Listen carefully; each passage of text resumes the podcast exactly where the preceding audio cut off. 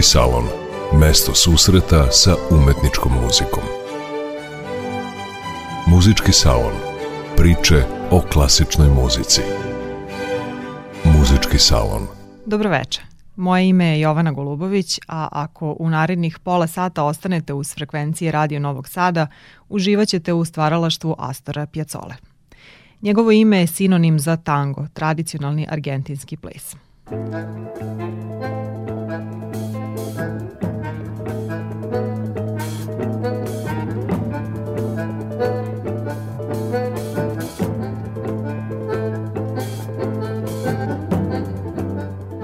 11. marta 2021. navršilo se 100 godina od rođenja kompozitora koji je kao virtuoz na bandoneonu i član latinoameričkih tango orkestara elemente poznatog plesa spojio sa elementima džeza i klasične muzike, stvorivši tako pravac novog tanga namenjenog koncertnoj, a ne plesnoj sceni. Njegove kompozicije, među kojima je najizvođenija Libertango, Osim promocije plesa doprinele su i afirmaciji harmonike kao umetničkog instrumenta, odnosno bandoneona, male koncertne harmonike dugmetare poreklom iz Nemačke koju je umetnik svirao, a koja je bila veoma popularna u argentinskim bendovima. Ipak, Piazzolla je pisao za različite sastave, a njegova dela transkribuju i brojni solisti kojih, osim u okviru redovnog koncertnog programa, neretko izvode i na bisevima svojih nastupa. Posle Libertanga najpopularnija je verovatno kompozicija Oblivion, Zaborav. Piazzolla ju je pisao za bandoneon i gudače, a mi ćemo na početku večerašnjeg muzičkog salona čuti jednu od mnogobrojnih transkripcija. Slušamo duo Tu Čelos, koji čine Luka Šulić i Stjepan Hauser i zagrebački solista.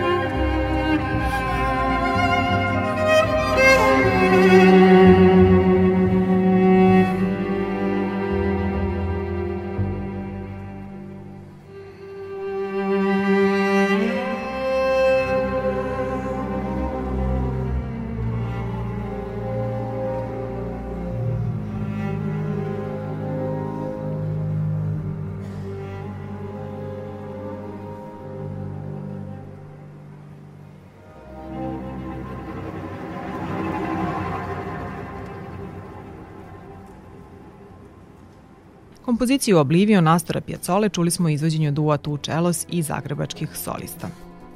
Rođen u Argentini u gradu Mar del Plata 1921. u porodici italijanskih imigranata, Piazzolla je veći deo detinstva proveo u Njujorku gde se sa porodicom preselio 1925. godine.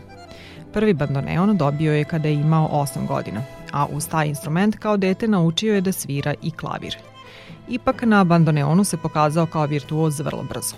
Kada se porodica nakon 11 godina života u Njujorku, gde je Piazzolla osim engleskog naučio i francuski jezik, vratila u Mar Platu, Piazzolla je počeo da svira sa različitim tango orkestrima.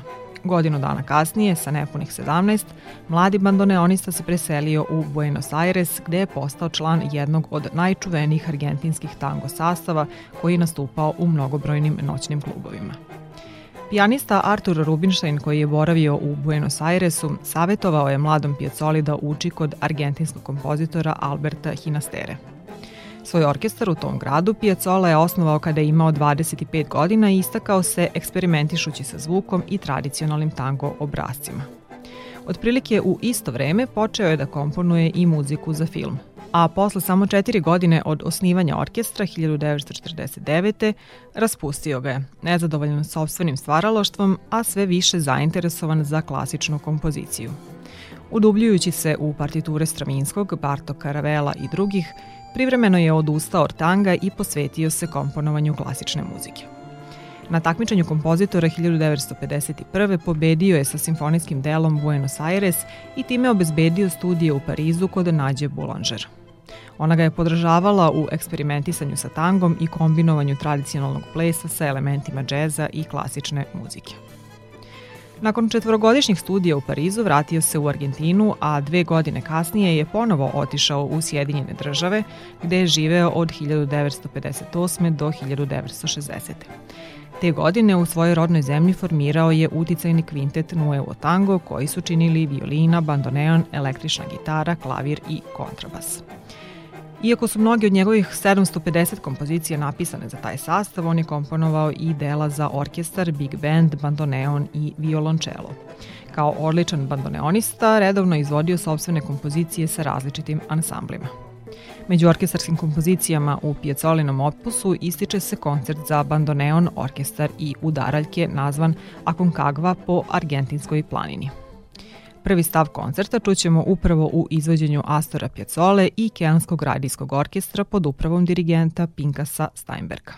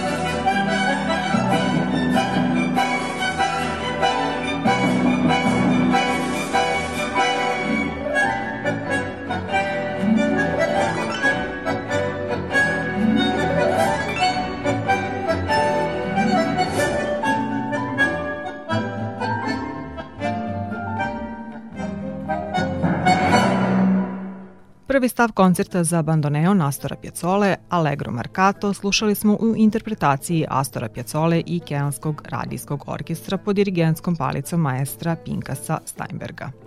Pjacola se u svojim delima oslanjao na tradiciju umetničke muzike od baroknih kompozitora do Stravinskog ili Bartoka.